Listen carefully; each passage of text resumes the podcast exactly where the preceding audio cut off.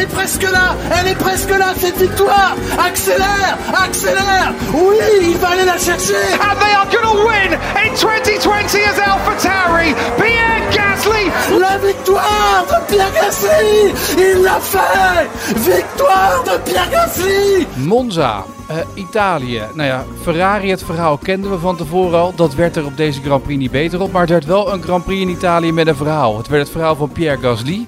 En het werd niet het verhaal van Max Verstappen. Daar gaan we maar eens over napraten met Arjan Schouten. Eh, mijn naam is Etienne Vroef en dit is een gloednieuwe pitstop.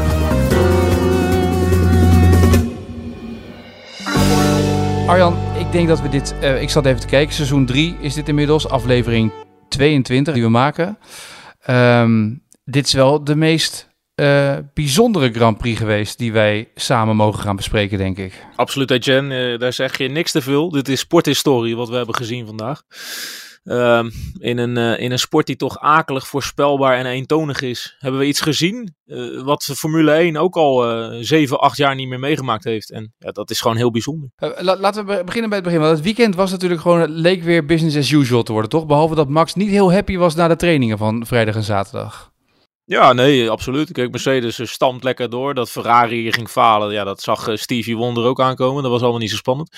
Eh, maar ja, kijk, Red Bull, ja, die, die, die ligt nooit helemaal lekker op Monza. En dan, dan verwacht je eigenlijk, na wat je de afgelopen weken hebt gezien, dat hij dat nog wel kan repareren in de race. En daar hield hij zelf ook wel rekening mee. Maar in die zin leek het gewoon een beetje op wat we gezien hebben. Hè? Mercedes stampen naar de voorkant en eh, ja, Max en eh, ja, dan wat Renault's en McLaren's en eh, Racing Points er kort achter. Ja, maar het werd een compleet andere Grand Prix dan we verwachten. Ehm, en, en waar zat het kantelpunt hem in? Nou, het kantelpunt begon eigenlijk bij Kevin Magnussen, die op een gegeven moment zijn auto in het gras moest parkeren. Toen kwam er de safety car. Nou ja, dat is reden voor iedereen om naar binnen te gaan. Alleen, Lewis Hamilton deed dat iets te snel, iets te gretig. it is what it is. Not, you know, I I, I went to see the stewards just to double check, and they had good footage. I did. Uh, there was signs saying the pit lane was closed, and I didn't really see them. So uh, ultimately, partly my fault, and then obviously the team asked us to stop. So Eh, zijn eigen fout gaf hij later toe. Al vraag ik me dat af. Want volgens mij kan eh, eh, zijn engineer gewoon in zijn oor fluisteren van... Lewis, die pitstraat is nog dicht. Je mag er nog niet in. Eh, maar daarmee begon het eigenlijk. En vervolgens kwam die code rood vanwege die enorme crash van Charles Leclerc. En die, ja, die dubbele eh, plot twist, die heeft eigenlijk een, eh, ja, een bizarre middag opgeleverd natuurlijk.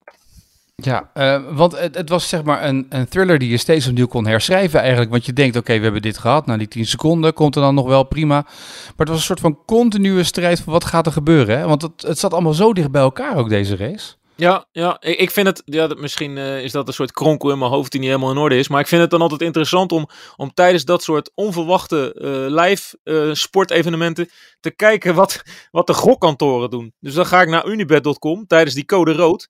En dan wil ik zien wat zij voor quotering gaan geven aan, aan Lewis Hamilton. En aan bijvoorbeeld Lance Stroll, die, ja, die eigenlijk spekkoper was. Want die, ja, die kon natuurlijk gratis wisselen. Want die had nog geen nieuw rubber ondergebonden. En dat mag tijdens die code rood. Dus die stond daar eigenlijk in de pits eh, gewoon gratis een pitstop te doen.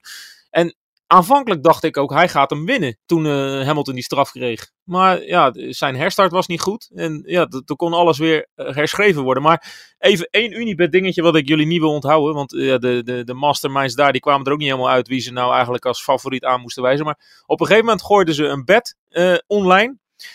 Lewis Hamilton wint wel, wint niet. En toen kreeg je maar toen kreeg je 8 euro eh, als hij nog zou winnen. En 2 euro als hij eh, als hij niet zou winnen.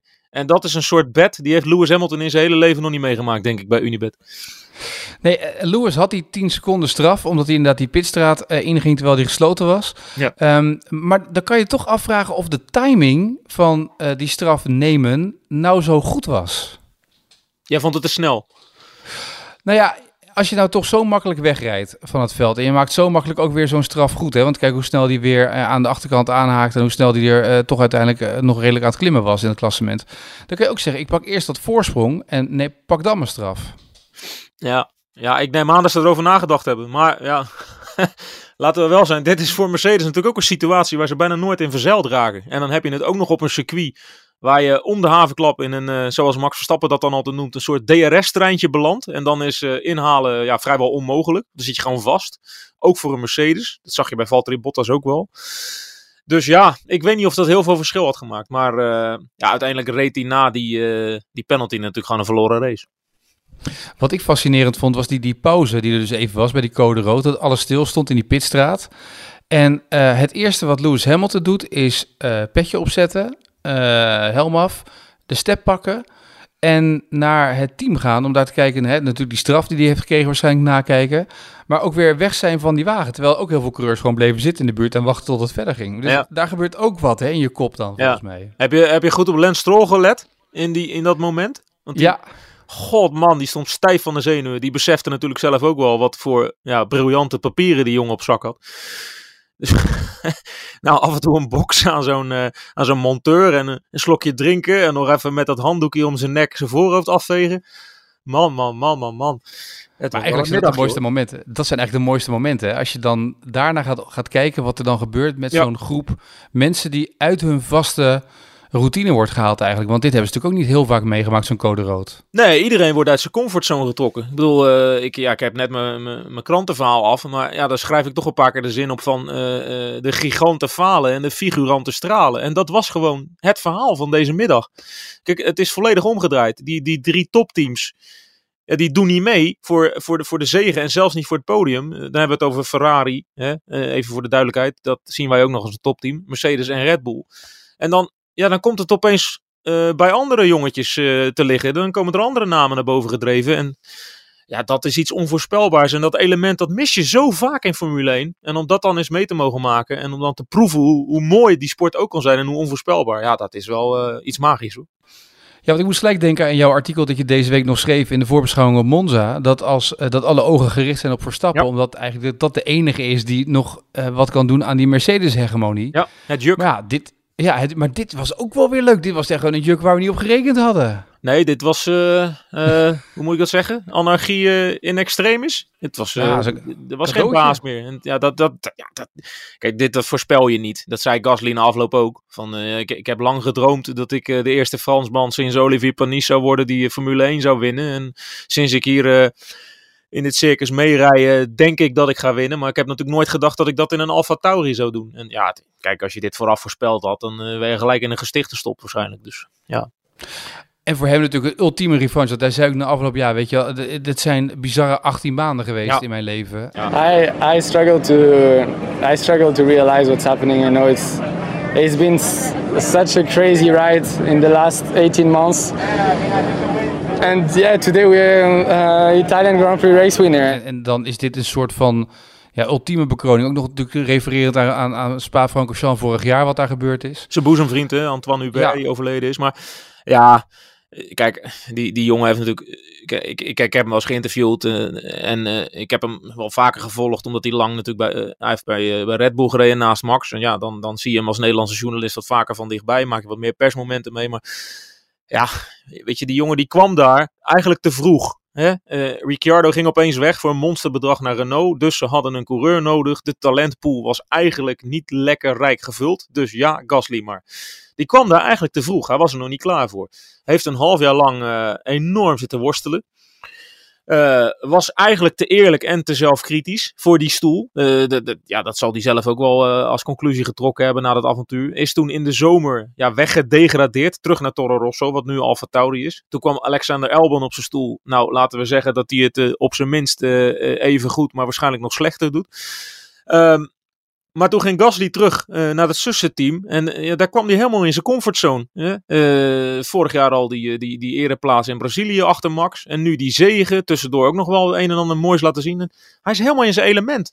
En ja, het mooie is dan dat je vandaag in de reacties van al die coureurs eigenlijk ziet dat ze het hem enorm gunnen. Dat het een, een doodgoeie jongen is. En dat, dat, het, hem, dat het hem heel erg gewenst is door al zijn ja, concurrenten. Dat is wel mooi om te zien. Ja, want hij is natuurlijk ook wel een beetje dat, dat half jaar heeft natuurlijk ook wel kapot gemaakt mentaal. Ja. Hè? Je ziet dat hij in die rust van Alfa Tauri gewoon gedijt en laat zien dat hij wel gewoon kan racen. Want hij is ja. Kwiat de baas, die al veel langer in die Formule 1 zit. Dus ja, weet je, het is, het is geen slechte coureur. Nou, wat, wat hem is overkomen bij Red Bull, daar kan je aan onderdoor gaan. Dat kan je gewoon een carrière in, ja, hoe, hoe moet je dat zeggen? In de bloei knakken. En nog voor de bloei knakken. Ik herinner hem ook, uh, moet je maar eens terugkijken, de, de Netflix documentaire. Ja, daar zijn Marco en, en Horner, volgens mij, als ik het goed heb, die zijn, die zijn bijzonder kritisch over hem.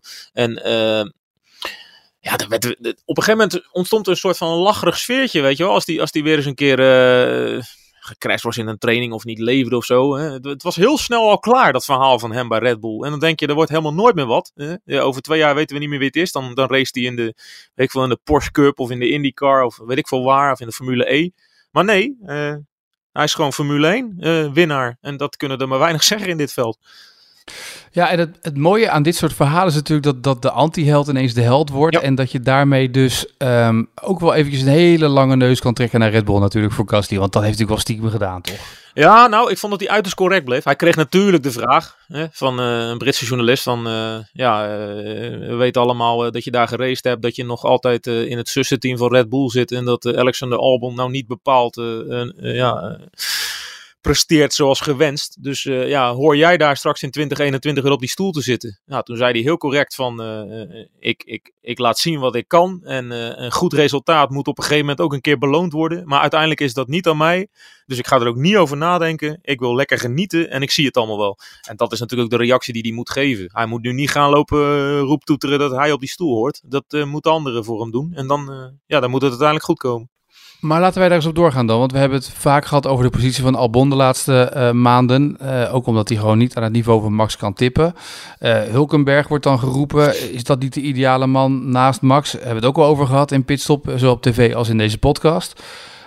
maar als je nu ziet hoe Gasly rijdt dit jaar, ja. is het een optie voor 2021 om hem toch weer te promoveren?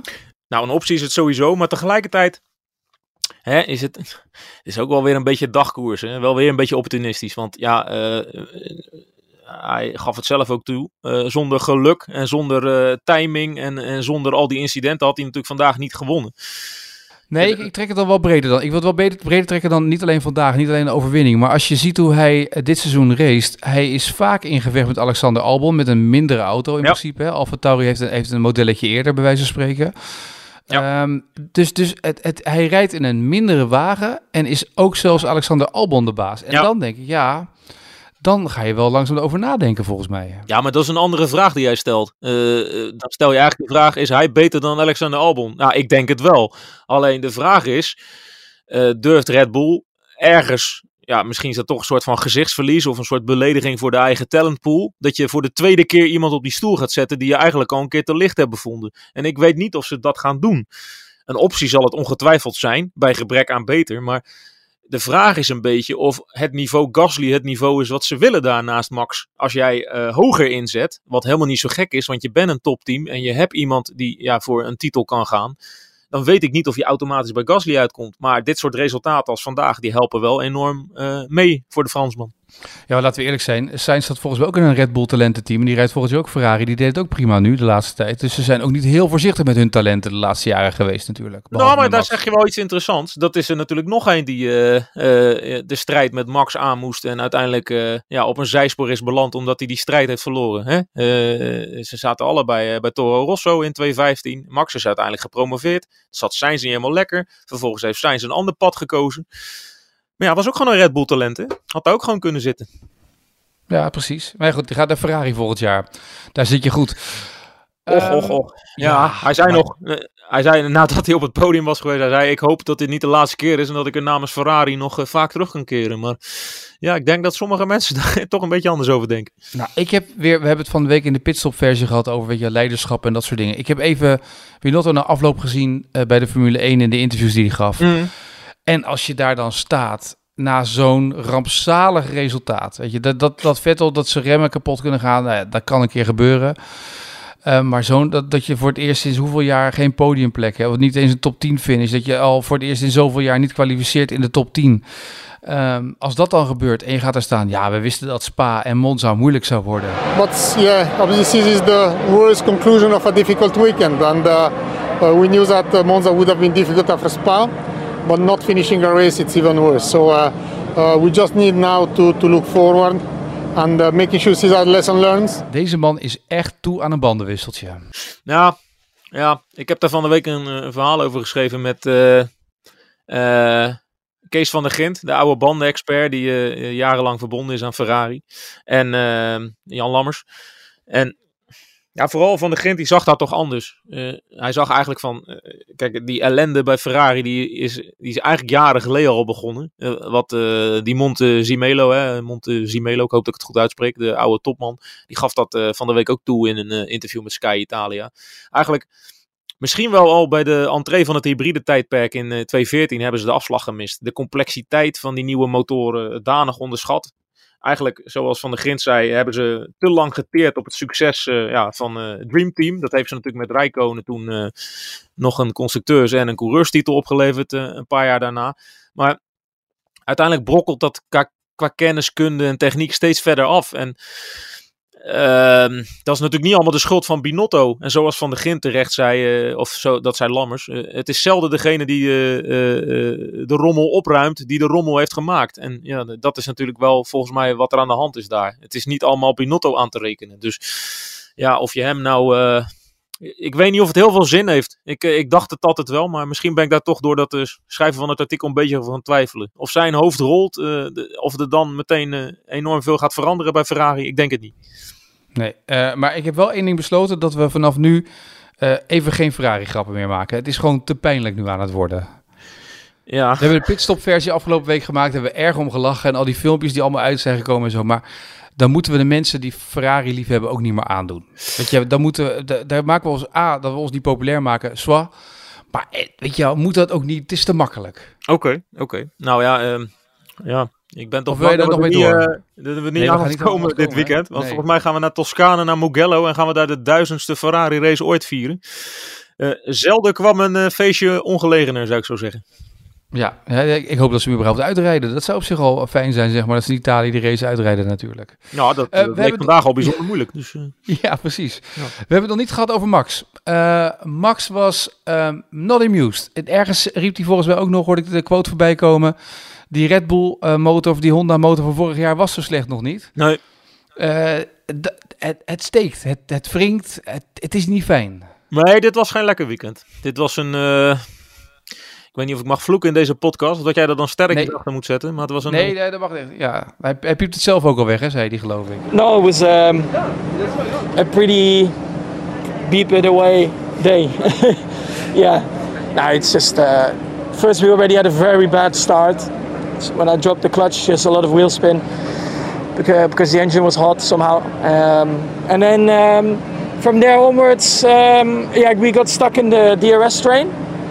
So you can't pass around here then. And after the red flag in the start already, when I when I accelerated, I had a problem with the engine. So we tried to solve it, but it didn't go away. And uh, yeah, we had to retire the car. Nee, was niet goed. Maar dat, die, die, eh, die conclusie had hij al getrokken na de kwalificatie hoor. Toen, eh, toen zei hij al van eh, dat auto en motor gewoon niet zo goed zijn dit jaar. En dat die van vorig jaar nog niet zo slecht waren. En ja, weet je, de, Monza is altijd een pijnpunt hè. En, en Spa normaal ook. Red Bull, ja, dat, dat, dat, dat, dat draait niet zo lekker op dit soort circuits. Waar het allemaal om, om topsnelheid en, eh, en vermogen draait. Hij heeft daar al vaker een bijrol gespeeld. Normaal was dat dan de eh, perfecte locatie om die, eh, ja, die, die gridstraffen te pakken. Hè? Een nieuwe derde of vierde nieuwe motor erin. En dan moet je die gridstraf pakken. Nou, nu zijn we nog vrij vroeg in het seizoen. Dus nu is het allemaal anders. Maar ja, dat neemt niet weg dat het resultaat gewoon eh ja, knudden blijft. In, in zijn perspectief. Daar doet hij het niet voor. Hij wil gewoon eh, eh, winnen. En als dat niet kan, wil hij tweede worden of derde. Maar ja, reed vandaag ergens buiten de punten rond. En de start was natuurlijk matig, veel wielspin. Ja, dan belandt hij in zo'n treintje. Dan kan hij er niet voorbij. Vervolgens bij die herstart eh, voelt hij meteen al motorproblemen opkomen. Ja, dan wordt het gewoon een, eh, een moeilijke middag. En eh, kijk, we weten niet in detail wat er aan de hand is met die motor. Maar de onderliggende problematiek van die auto heeft hij natuurlijk al vaak genoeg beschreven. Het is gewoon, het is gewoon niet, niet, niet, niet goed genoeg wat, wat hem betreft. En ja, de, de, in zoverre hij nog titelaspiraties had, kan hij die nu op gaan bergen, denk ik. Maar ergens gaat het ook een beetje wringen, voel, ik, voel je aan met Honda. Want er komen van die berichten naar buiten in interviews dat Honda zegt... we weten niet of we 2021, dat we daarna nog doorgaan. Ja. Want we willen wel meedoen om wereldtitel. En kennelijk is dit ook niet de wagen waar we wereldkampioen mee worden. aan alle kanten begint een beetje te schuren. Ja, dat is wel zorgelijk. En je, en je, en je proeft ook. Uh, kijk, ik, ik, ik herinner me de Verstappen nog als Renault uh, niet leverde. Ja, die was een stuk feller. En uh, aan alles merk je ook dat dit huwelijk ja, gewoon een beetje beveiligd wordt. Hè? Dat, dat, ja, hoe moet je dat zeggen? dat, ze, dat ze niet willen dat dit springt. Want dit is hun weg die ze gekozen hebben richting succes. Red Bull en, en Verstappen.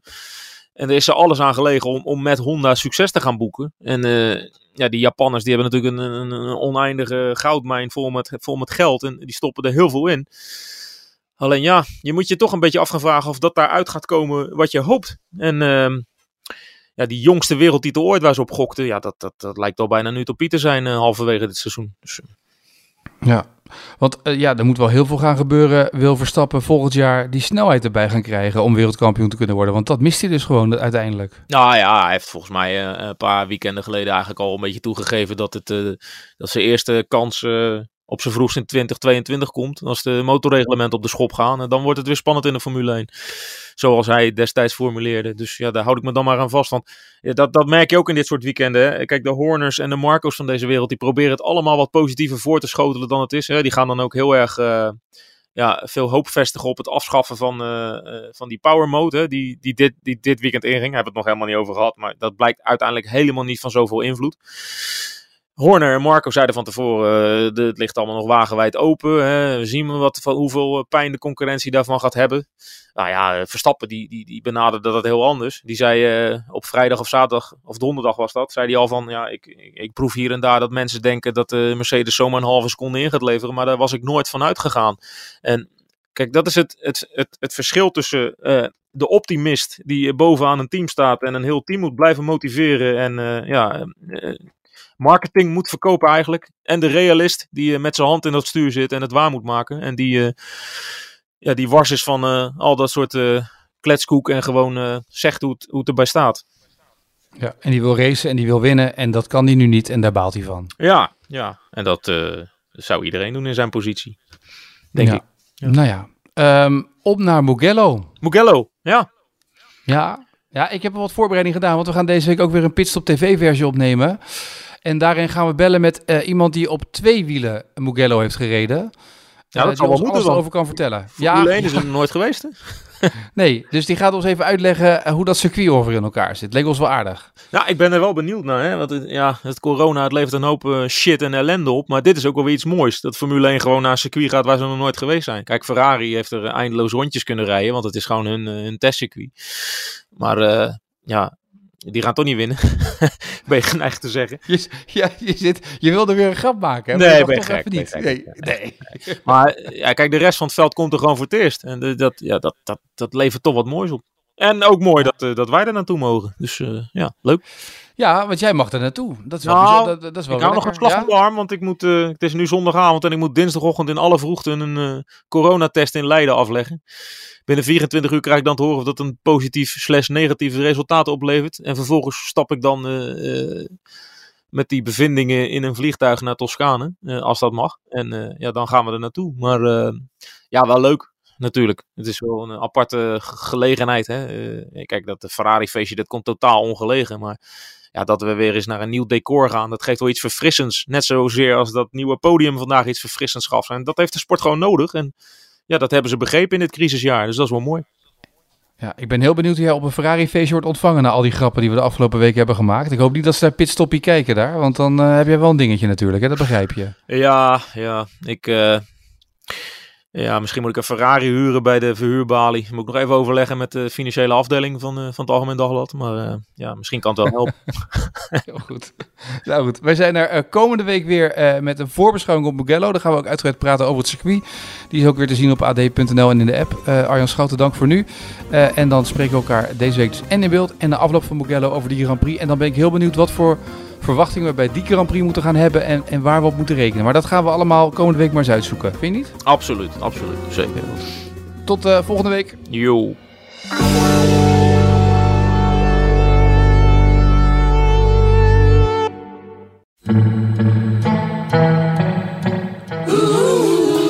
Dit is de Val Allemaal Maar Kapotcast. Allemaal maken podcast. Door zelfbenoemd Parel van Brabant, Björn van der Doelen en grote onbekende Boris Heijnen. Joris. Joris Heijnen. Muziekjournalist, naar het schijnt. Een podcast zogezegd waarin de heren bandjes en artiesten analyseren en bespreken. Maar feitelijk gezien is het niks meer dan een goed excuus voor deze vrienden om eens te kijken of er nog wat lekkers onder de kurk zit. Zes bands ongeveer, denken ze te gaan bespreken. Welkom bij de Allemaal maken podcast. Val Allemaal Maar Kapotcast.